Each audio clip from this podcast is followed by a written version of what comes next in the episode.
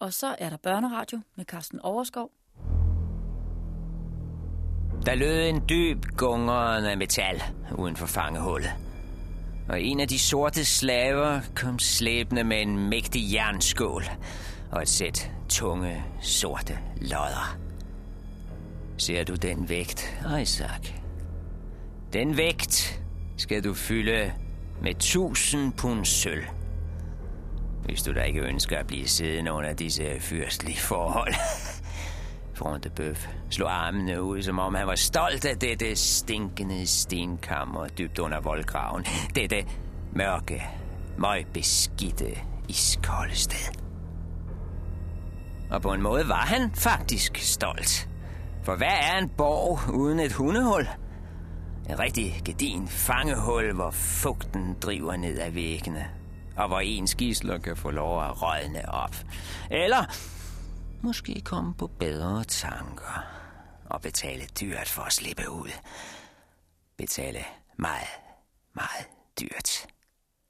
Tusind pund sølv, stønnede gamle Isaac.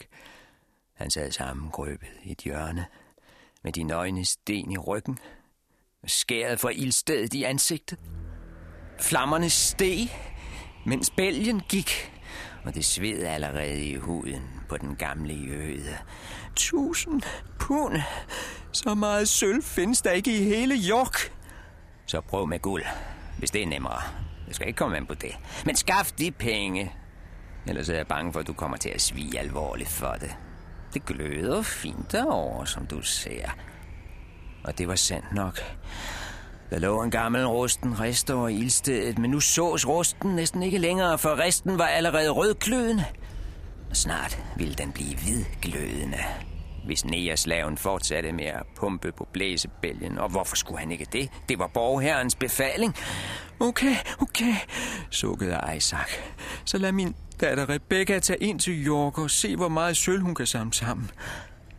Din datter? Bare jeg havde vidst det.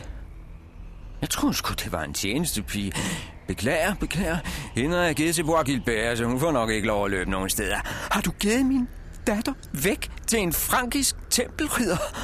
Oh, så er hun prisgivet. Åh, oh, Rebecca. Din skæbne, den bliver værre end døden, hvis det ikke allerede er sket så må jeg sige, at hvad mig selv angår, og de penge, jeg muligvis kunne have skaffet til vej, så har de mistet en hver værdi.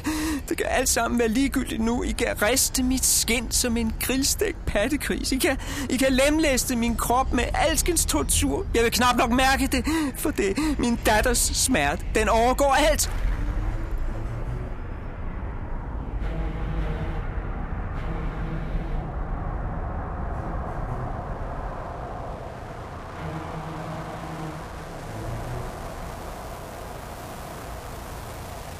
Det var dagens første scene. Men det er kun begyndelsen. Der går meget andet i svang på den borg. Vi kan gå fra rum til rum og finde lige skændige gerninger hvert sted. Nu vil vi først bevæge os fra den dybeste kælder op til det højeste tårnkammer og se, hvad der går for sig. Peace, I'm back, you better listen to this Cause I'm really gonna tell you what time it is I'm rocking the house and I'm rocking it good You recognize me from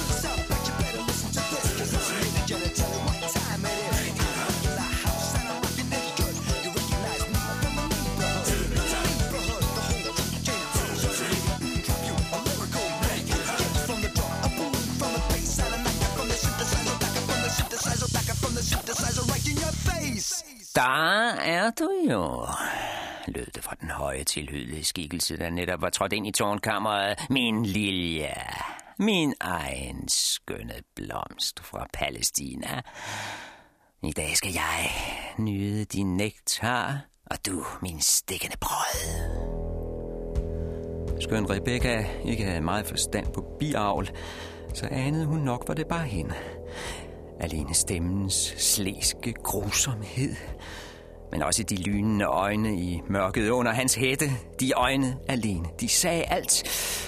Så hvad andet kunne hun gøre end at flå sine kostbare armbånd af, og halskæden, og alt hvad hun havde at ringe og kaste dem i favnen på denne påtrængende mandsperson. Tag disse smykker, hvem I end er og vide, at der er mere, hvor de kom fra. Hvis I viser barmhjertighed mod mig og min gamle far, og lad os gå. I skal blive rigeligt belønnet. Jeg havde nu tænkt mig en ganske anden løn. Fnysede den høje mand med det brændende blik. Behold dine perler, for de er intet mod dine egne blændende tænder. Sambar diamanterne op igen, min pige, for de vil aldrig kunne måle sig med dine egne ravgyldne øjne Og det nytter da ikke noget at krybe i skjul bag kostbare smykker, kåber og kjoler for din egen skønhed. Overstråler al rigdom og pragt. Hvorfor ikke lægge det hele straks? Du kan alligevel ikke skjule noget fra mig. Og med de ord trådte han to skridt frem og lå kappen falde. Bois Gilbert, ham var det. Brian de Bois Gilbert, den største af frankernes korsridere. Men det var ikke just kristen tro, der drev ham nu. Det så Rebecca straks. Det kunne næppe være hellig ildhu, der spændte hans bælte til bristepunktet nu. Skål mig, skreg hun og sprang først bagud, men der stod sengen og mindede om, hvor hurtigt netop den kunne forvandles til pinebænk. At hun netop i den seng kunne lide en tårt, som ville martre hende resten af livet. Så i stedet løb hun frem, tværs gennem tårnkammeret, smuttede uden om den lysten tempelridder, forsvandt ud af døren og stod sekundet efter ude på afsatsen, hvor der kun var et skydeskår mellem hende og den dybe afgrund. Bois fulgte hurtigt efter. Hun var fanget mellem ham og det svimlende dyb. Fortvivlet vred hun sig og prøvede at komme baglæns ud gennem skydeskåret. At kjolen blev flænset i forsøget, det indsede hun ikke. Hvis den mand trådte blot et skridt nærmere, så var hun parat til at kaste sig ud i den tomme luft. Men Bois Bær, han stod blot og betragtede hende. Han lå hende sprejle, og han nød al den bare hud, der efterhånden kom til syne. Der spillede et grumt smil om hans læber, da han sagde, Stol ikke for meget på det rækværk. Og han slikkede sig om munden ved synet af hendes nøgne ønder, særligt den bølgende barm, der knuppede mod de rå sten i muren. Kom nu ikke til skade, min pige. Du vil snart erfare, at du aldrig får et bedre brystværn end mine stærke hænder. Så kan ingen være i tvivl længere. Det er mandag. Vi er midt i den største af alle ridderhistorier. Vi er i gang med 15. del af Ivanhoe.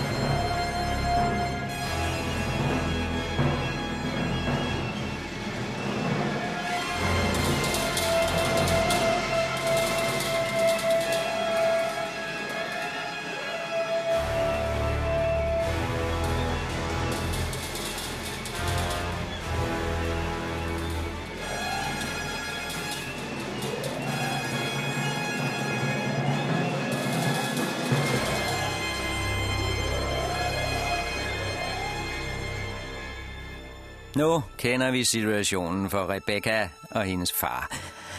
Hun ved at kaste sig i døden for borgens højeste tårn. Han nede i det dybeste hundehul, hvor en sort slave er ved at flå hans skjorte af, så han er klar til at komme på resten om et øjeblik. Den hvidglødende jernrest, han skal gennemgå sine pinsler på, og som for altid skal brændemærke sit riflede mønster i hans bare skin. Men hvad med jomfru Rovena, vil mange spørge. Og hvad med Ivanhoe? De befinder sig på den selv samme borg, Front de Bøfs borg, men vidt forskellige steder. Jomfru Rovena? Jo, der er hun. Med det sædvanlige lange, lyse hår og fregnerne. En typisk nordisk skønhed, og vi ved jo også, at hun er saksisk kongeslægt. Hun er smukt installeret, det må man sige. Et prægtigt kammer, Usmykket med tæpper og silkestoffer overalt. Af en fange at være, så sidder hun i en ualmindelig flot sæl. Det vil sige, hun sidder ikke ned. Hun står trodsigt op, gør hun. For hun har nægtet at sætte sig sammen med den unge Ridder Bracy. Han er nemlig også til stede. Ridder Bracy, eller væbner Bracy, den unge Bracy, har i mellemtiden skiftet fra råt og røver kluns til den sidste mål. Blandt andet står han og fægter med en gigantisk fløjlshat. Tro mig, smukke Rovena. Jeg er ikke din fangevogter, hvis det er det, du tror. Hvis der er nogen, der er fanget her, så er det mig. For jeg er lænket af længsel efter de lange, lyse hår. Jeg kan, jeg kan aldrig gøre mig fri af skæret for dine blå øjne. Tro mig, jeg er bogstaveligt talt dybt, dybt fængslet af din skønhed. Nå, og hvad så i går aftes, da I overfaldt os uskyldige rejsen i skoven? Der var det måske for mørkt til, at du får øje på min skønhed. Jeg siger dig, jeg siger dig, jeg gjorde det kun af kærlighed. Åh! Oh! Fri mig for de fraser. Jamen, det var udelukkende tanken om jeres ønder, der drev mig. Jeg måtte være dig nær.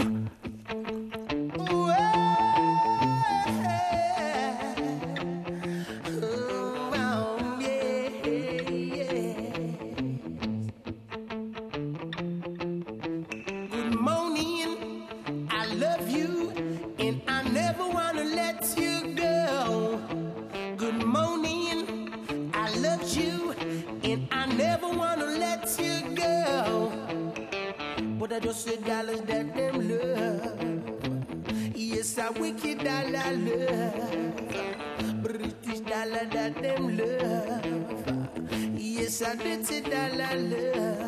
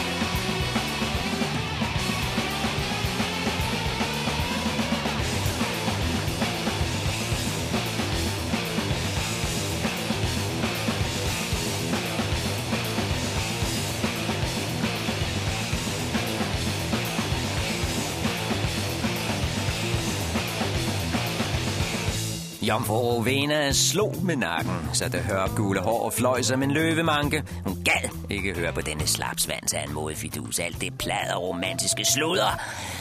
Den er overpyntede unge svend, der åbenbart foretrækker at svinge med sin elendige fløjelshat i stedet for dakker, der svært. Det var ikke til at holde ud. Ved du hvad, Brazy boy? Jeg synes, du skulle overlade serenaderne til sangerne og gå hjem og blive et mandfolk. Fløjelshatten hang et øjeblik som stivfrossen i luften. Okay, sagde Bracy. De høviske manerer, de var forsvundet som duk for solen. Så siger vi det på en anden måde. Du, du slipper kun ud som min hustru. Nu var han sig selv igen. Det passede ham langt, langt bedre. Forstår du, min lille pige? Enten så stiller du op som min brud en af dagene, eller også bliver du siddende på denne borg resten af livet. Indespærret i et evigt jomfrubur som en lænket sanglærke i front af bøfs fuglesamling. Er det snart sivet ind? Åh, oh, hvor er du poetisk, Bracy. Man bliver sgu helt blød om hjertet. Der er ikke noget at gå ind af, unge dame. Du skal vide, at der er én ting, jeg ikke har fortalt foran det bøf. Han ved stadig ikke, hvem den sårede mand er, som I havde med på borgen. Men øh, det vil du måske gerne have, han skulle vide. Da kunne Rovena ikke tage mere. Med et brød hun hulkende sammen. Hun vidste så godt som nogen, at Front de Bøf havde tilregnet sig det gods, Wilfred skulle have arvet, hvis ikke han var draget til det hellige land under navnet Ivanhoe. Front de Bøf ville blive alt andet end begejstret ved at høre, at Ivanhoe var kommet hjem igen. Nu var spillet ude for Jomfru Rovena. Nu var hun for alvor fanget. Og hvad andet kunne hun gøre end at give efter for gråden?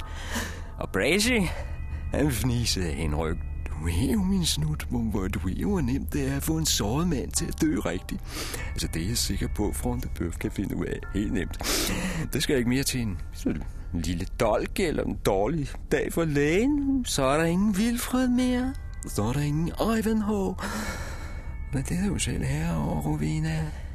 Du skal bare droppe jomfrudommen og blive frue i stedet for. Altså min frue. Så skal din elskede leve. Men siger du nej, ja, så bliver jeg desværre nødt til at viske et par ord i øret på borgens herre. Det er dit eget valg, Rowena. Mig eller ingen? Men det var at trampe i det. Rovena havde for længst forstået budskabet og givet sig i tårnes vold. Nu, nu, nu skal jeg komme og trøste, sagde Brazy og lagde fløjlshatten fra sig for bedre at kunne tage den hjælpeløse pige i sin favn. Men i samme øjeblik lød alarmen. Hornet gjaldede fra kælder til kvist. Skingert klangte fra tårnenes tinder og ned til det dybeste hundehul. Hele borgen holdt vejret.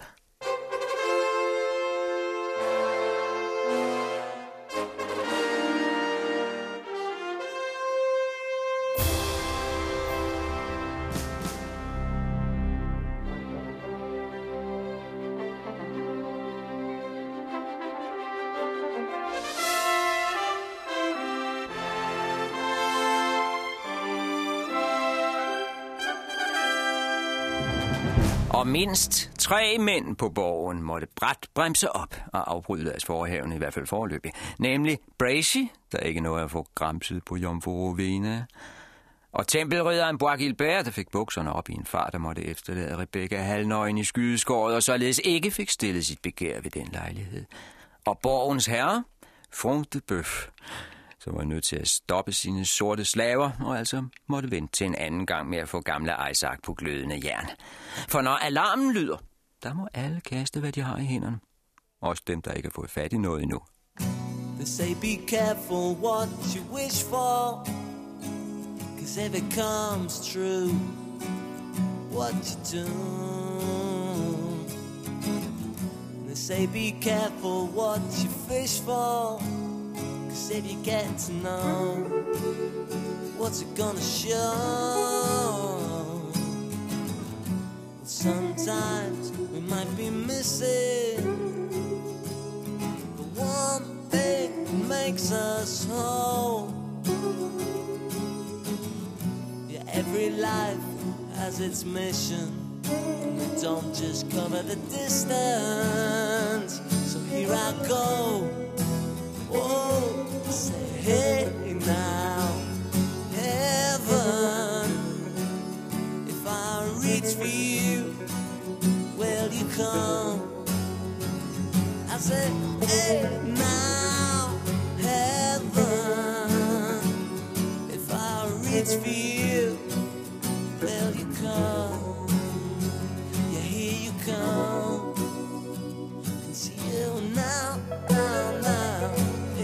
come. Can see you oh, now. How do we know where we've been? If we don't know where we're meant to be. If you never dive, if you never swim, every smile had its grin. So take a moment. De kom løbende ind i riddersalen fra hver sin side, hidkaldt af hornsignalet. Bracy og Bois kom først. Hvordan går det med din? grinede unge Bracy. Min tur er simpelthen ved at drukne i tårer. Og ja, ok, ja, det er det sædvanlige. Så er der mere krudt i min. Hun har negle så skarpe som klør, den lille Rebecca. Og hun troede skulle være hoppe ud fra tårnet. Herlig bibarn. Og gud, hvor er hun lækker, når hun bliver vred. Jeg håber ikke, det her var alt for længe. Og nu nåede Front de Bøf frem. Borgens herre kom trampen op fra kælderen. Han rystede opgivende på hovedet. Jeg håber, I har haft bedre held end mig. Jeg forsikrer jer, det er ikke til at rydde en skilling ud af den jøde. Det kunne man sige sig selv, grøntede Bois Men uh, hvad foregår der? Jeg bliver afbrudt midt i en meget vigtig forretning. Faktisk har jeg en temmelig påtrængende sag liggende ovenpå. Og for en sikkerheds skyld følte han efter, om han havde husket at spænde bæltet. En, en sag, jeg helst skulle have ordnet inden alt for længe. Så kunne vi ikke have fået det her overstået i en fart. Helt enig, sagde Brazy og blinkede fiffet. Jeg har faktisk også en lille steg i ovnen. Nå, sagde Front de Bøf, som om han var meget ked af at have forstyrret dem. Det må I sgu meget undskylde. Det er bare borgen, der er omringet.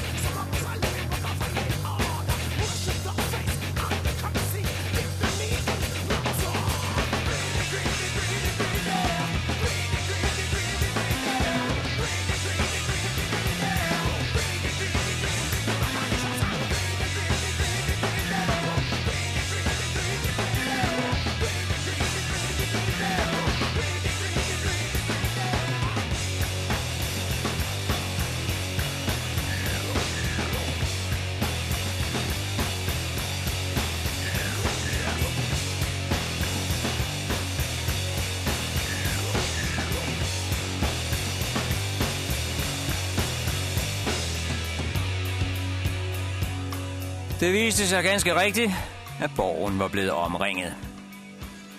Men så var det heller ikke værre. Det var kun en flok fredløse. Et par hundrede stykker, højst 500. En blanding af røver og krybskytter, måske et par enkelte vrede bønder. Det sædvanlige rak. De lå udenom i krattet og holdt borgen indsluttet ganske effektivt, men herregud. Ganske vist så kunne man hverken komme ud eller ind, og ganske vist så havde Frontebøf kun en snes mand til at holde skansen. Men sådan et rakkerpak, jamen, de har ikke en chance for at komme over. Først en dyb voldgrav, og så de lodrette mure, det vidste man. Det vidste de også selv. De kunne aldrig finde på at storme. Det hele det var mere eller mindre til grin. Det var den skrivelse også, som de havde sendt ind til ridderne på borgen, bundet om en pil. Borgilbert han kunne dårligt holde sig for latter, mens han læste op af dette mærkværdige dokument. drabelig lød det. Jeg, Wamba, som er hofnar hos stormanden Cedric. Og jeg, Gurth, som er træl og svinehyrde samme sted. Og en krigsmand kaldet den sorte ridder, som for nuværende foretrækker er færdes navnløs. Og den friborgne bueskytte, som nogen kalder Robin Hood. Samt en meget hellig munk, som heller ikke ønsker at røbe sit navn, men som har forladt sin ensomme hytte i skoven for at kæmpe i denne gode sags tjeneste. Temmelig oppustet, ikke? Det må man indrømme, men jeg læser det hele op, ord for ord. For jeg synes, jeg har krav på at få alle dokumenter i denne sag og få dem uforkortet. Jeg skal jo ikke sidde her og hænge naive røver ud til nar latter. I skal selv have lov at tage stilling. Nu er der et par minutter til at få tændt for tekstbehandlingen, så I kan få hele ordlyden skrevet ned og fælde jeres egen dom.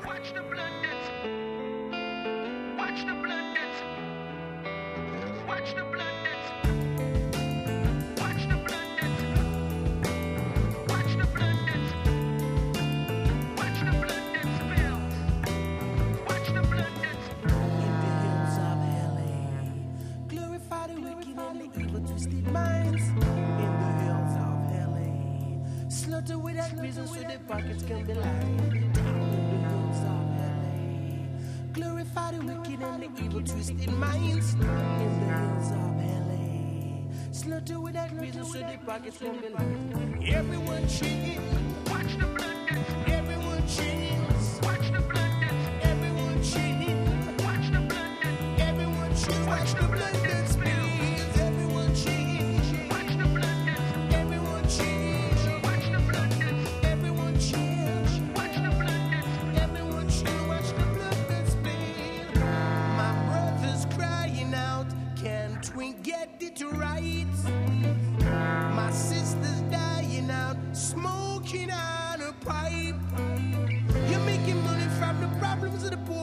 Stop all this badness, can't take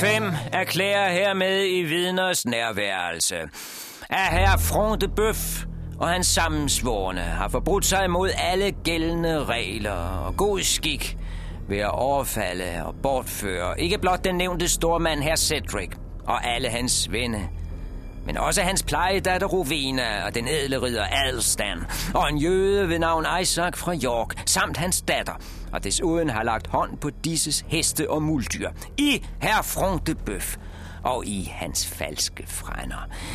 Vil bittert komme til at fortryde denne skændige handling, hvis ikke i inden en time lader alle gå fri, folk såvel som fæ. Skulle dette ikke ske, der ser vi os nødsaget til at gribe til våbenmagt og lade retfærdigheden ske fyldest med vold. Vi kan se frem til jeres fuldstændige tilintetgørelse. Måtte Gud åbne jeres øjne inden da. Med kristelig hilsen, nedskrevet under det store egetræ af den Guds mand og ydmyge tjener Jomfru Marias munk i Manhurst, og til vidderlighed underskrevet af de fem ovenstående. Ja, sådan stod der. Og de tre riddere, Front de Bøf, Brockelbær og Unge Brazy, de havde da også kun latter til års for dette ultimatum fra en flok tækker og fredløs pak. Alene underskrifter. Munken, han var åbenbart den eneste, der kunne skrive. Wamba, han havde tegnet en hanekam. Den såkaldte Robin Hood havde sat en pil, og svinehyrden Gurth, han havde krasset et stort kryds. Og den sorte ridder, hvem det så var, han havde jo slet ikke skrevet under. Det var komisk, var det. Der blev hulket af grin i riddersalen.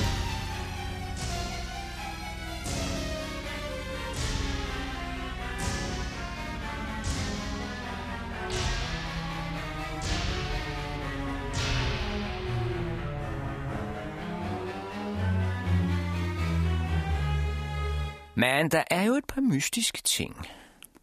Hvorfor er den unge mand på borgen slet ikke nævnt? Ivanhoe altså. Vi ved, at han ligger et eller andet sted på borgen og lider. Og hvem er den sorte ridder? Det er ikke første gang, han dukker op, men hvad er han for en fyr? Og så er der munken. Ham har vi aldrig hørt om før.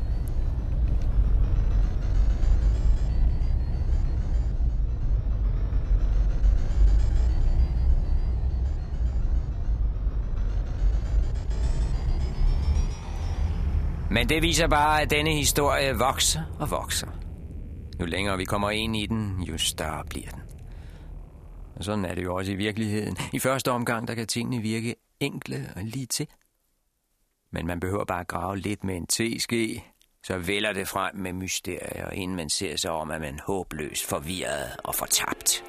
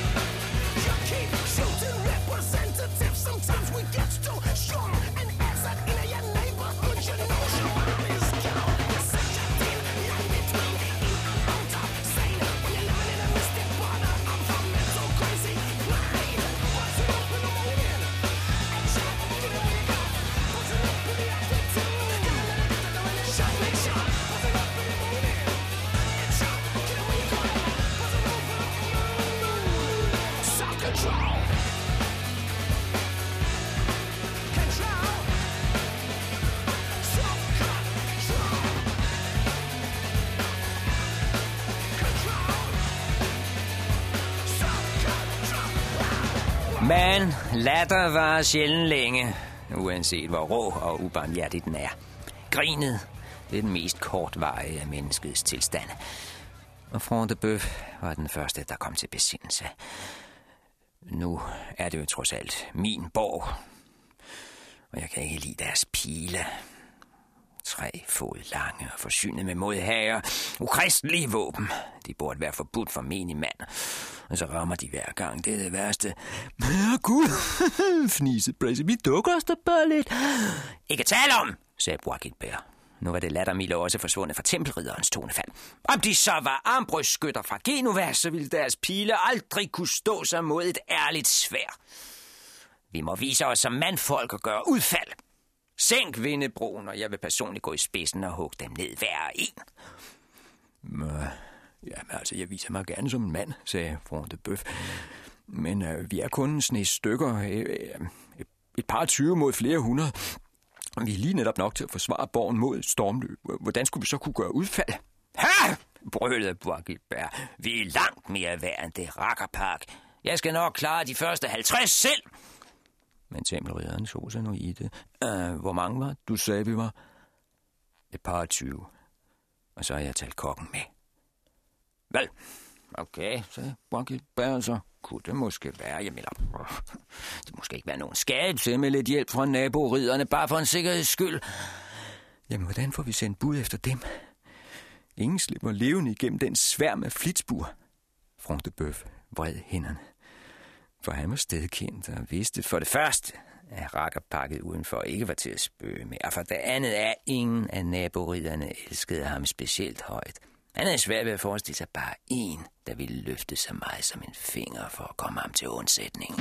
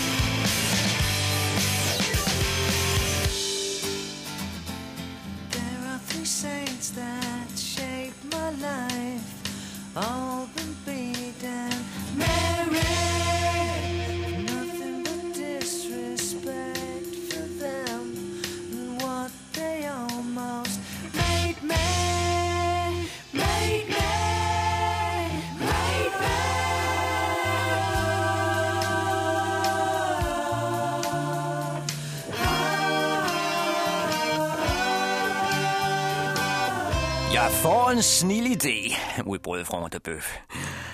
Vi skriver sgu et svar til dem. Og så redegjorde han for en ganske snedig plan, han havde udtænkt.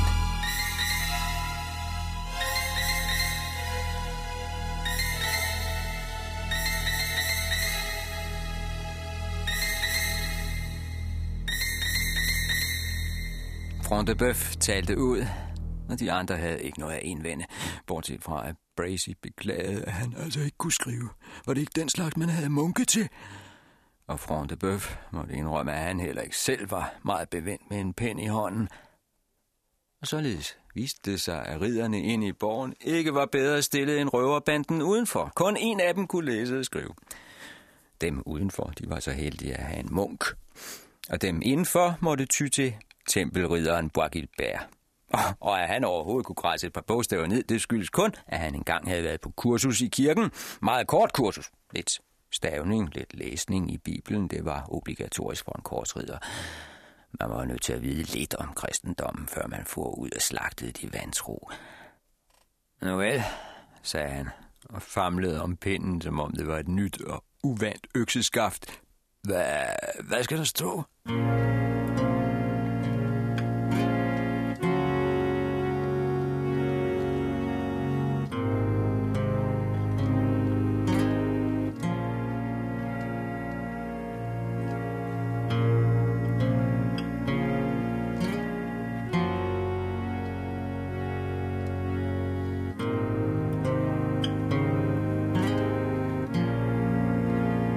Jeg vil ikke gå ind på, hvor mange klader, der blev skrevet i riddersalen den dag.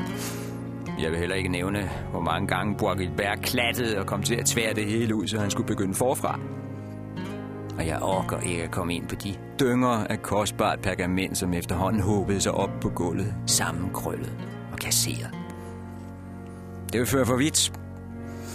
Om lidt, så vil jeg gå direkte til det færdige dokument. Signeret af de tre ridere. Bliv på kanalen. Vi er på vej med den endelige ordlyd.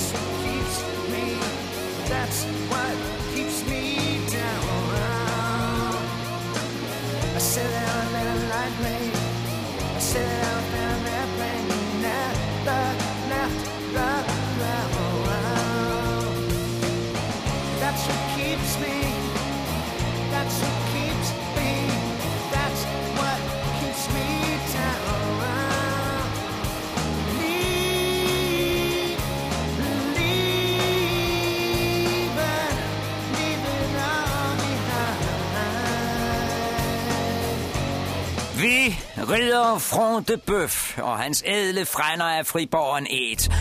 Vi nægter aldeles at lade os udfordre af trælle og fredløse. Jeres krav og jeres betingelser kan I stikke skråt op. Men hvad fangerne angår, skal I få lov at sende dem en gudsmand, en præst eller en munk, der kan give dem trøst og styrke dem til at møde døden. Det er nemlig vores hensigt at henrette alle inden kl. 12 middag.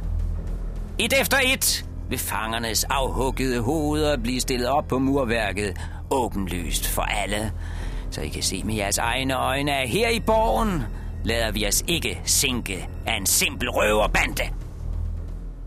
Dette klare og utvetydige brev blev nu foldet sammen, spændt fast i en pil og skudt tilbage over voldgraven. Det var sgu hårdt, stønnede Borgit Bær. Jeg er fuldstændig krampe i højre hånd. Så heller et regulært blodbad. Er der nogen, der har lidt vand, så jeg kan få det her forbandede blæk af fingrene?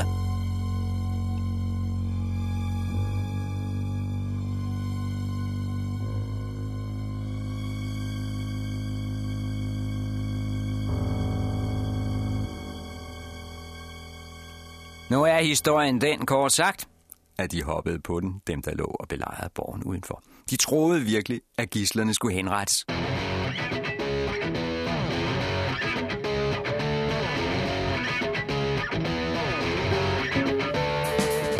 Det viser kun, hvor lidt vi almindelige mennesker forstår af de store tankegange. Der er selvfølgelig ingen, der drømte om at slå de fanger ihjel. Så vil man jo gå glip af løsesummen. Bønder kan man altid slagte. Fisker er ikke fem sure sild. Skomager er der også nok af så Hovedet af med dem. Men fine folk, se det og Anne. andet. De er kun noget værd i live.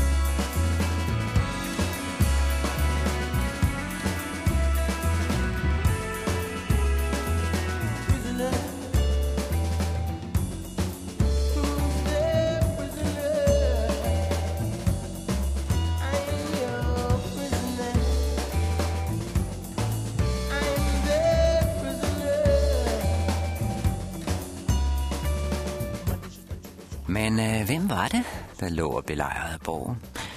Vi er nødt til at kigge lidt nærmere på dem.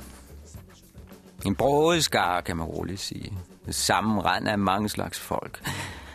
Det var deres ledere også. Vi kender svinehyrden Gurth, en simpel træl. Det laveste lave, man overhovedet kunne være. Så var der Wamba Hofnaren. Han var også træl, og desuden var han dværg, så vi kan dårligt komme længere ned. Så er der Robin Hood, som vi kalder ham den grønne bueskyt. Han var ganske vist ikke træl. Måske var han en skuffet ridder, der aldrig var blevet til noget, hvem ved. Under alle omstændigheder så levede han nu af at være landevejsrøver. Det hedder altså ganske vist, at Robin Hood tog for de rige og gav til de fattige. Men det skulle i så fald være eneste gang i verdenshistorien. Nej, lad os kalde ham gangster. Fræk og med en vis elegance, men så heller ikke mere. Robin Hood, han var nummer tre af de fem ledere. Så var der den sorte ridder, eller den såkaldt sorte ridder. Hvem han egentlig var, det kan man kun gætte på. Når han en sjælden gang tog hjelmen af, røbede han sine edle ansigtstræk. Et flor af lysekrøller og et par strålende blå øjne. Og selv med rustning på kunne han ikke skjule en virkelig magtfuld skikkelse. Altså, han var vel ikke ligefrem fed, men ganske kraftigt bygget og med godt hul. Tigger var han absolut ikke, dertil var han alt for velnæret. Han var tydeligvis vant med god og rigelig føde. Mad i så vældige mængder, at man uvilkårligt tænkte på kongens bord. Den røde næse, den kunne også tyde på, at han havde smag for de fineste vine. Men selvfølgelig, den sorte ridders blodrøde tud, den kunne også betyde, at han havde opholdt sig lidt for længe under sydens sol. At han måske netop var hjemkommet fra korstog. Måske i selskab med Richard Løvehjerte. Eller kunne det være selveste? Nej, nej, nej. Det er for langt ud. Lad os ikke glemme, at vi befinder os blandt trælle og fredløse. Den sorte ridder, han er bliver et mysterium, men altså derfor så til at påstå, at det kunne være selve... Nej, nej, det er. Det er, det er jo ikke noget eventyr, det her. Så var munken mere til at tage at føle på. Den fjerde af lederne uden for borgen, han var virkelig fed. En kæmpe kal at se til. Med en kranse sort hår om skallepanden. Det var sådan set det eneste, der tydede på, at han var munk. Den skallede plet øverst på hovedet. Ellers lignede han mere en sumobryder. Der var intet ved ham, der bare præg af faste, sådan små fattige måltider af ærter og tørt brød. Og hans gode humør, det tydede ikke just på, at han var tynget af bønder og andagt og den lidende Kristus på korset. Men den grå munkekutte, den var et glimrende dække for hans virkelige erhverv, nemlig som krybskytte. Og der var en fordel til ved kutten. Når han gik rundt med hætte om hovedet og rosenkrans om halsen, så undgik han som regel at blive provokeret af åndssvagt drukken volde på grund af sin størrelse. Altså ikke fordi han kunne, han kunne baste dem af lige så let, som vi andre jager fluer på flugt, men han gad altså at ikke slå folk til krøbling hver evig eneste dag. Hvor han havde lært at læse og skrive, det var der ingen, der vidste. Måske havde han virkelig været på et kloster engang, hvor de så havde smidt ham ud på grund af overdreven vellevne. Det var i hvert fald længe siden. Men munkekutten, det var den helt rigtige påklædning. Det perfekte skalkeskjul for en mand med hans råstyrke og livsappetit. Når bare man ikke bad ham messe en bøn eller sige noget på latin, så knep det gevaldigt. Derfor var han ubrugelig nu. På trods af sin munkekutte og på trods af sin skallepande, nu da de så sig om efter en hellig mand, der kunne gå op på borgen og få kontakt med de ulykkelige gisler. Men hvem skulle de så sende ind? Det var jo et enestående chance. Når ridderen nu selv bød en kirkens mand indenfor, så ville det være synd og skam at sige nej. Hvordan skulle de ellers få en spion ind på borgen? Men hvem? Det får vi opklaret næste gang, sammen med mangt og meget andet, i 16. del af Ivanhoe.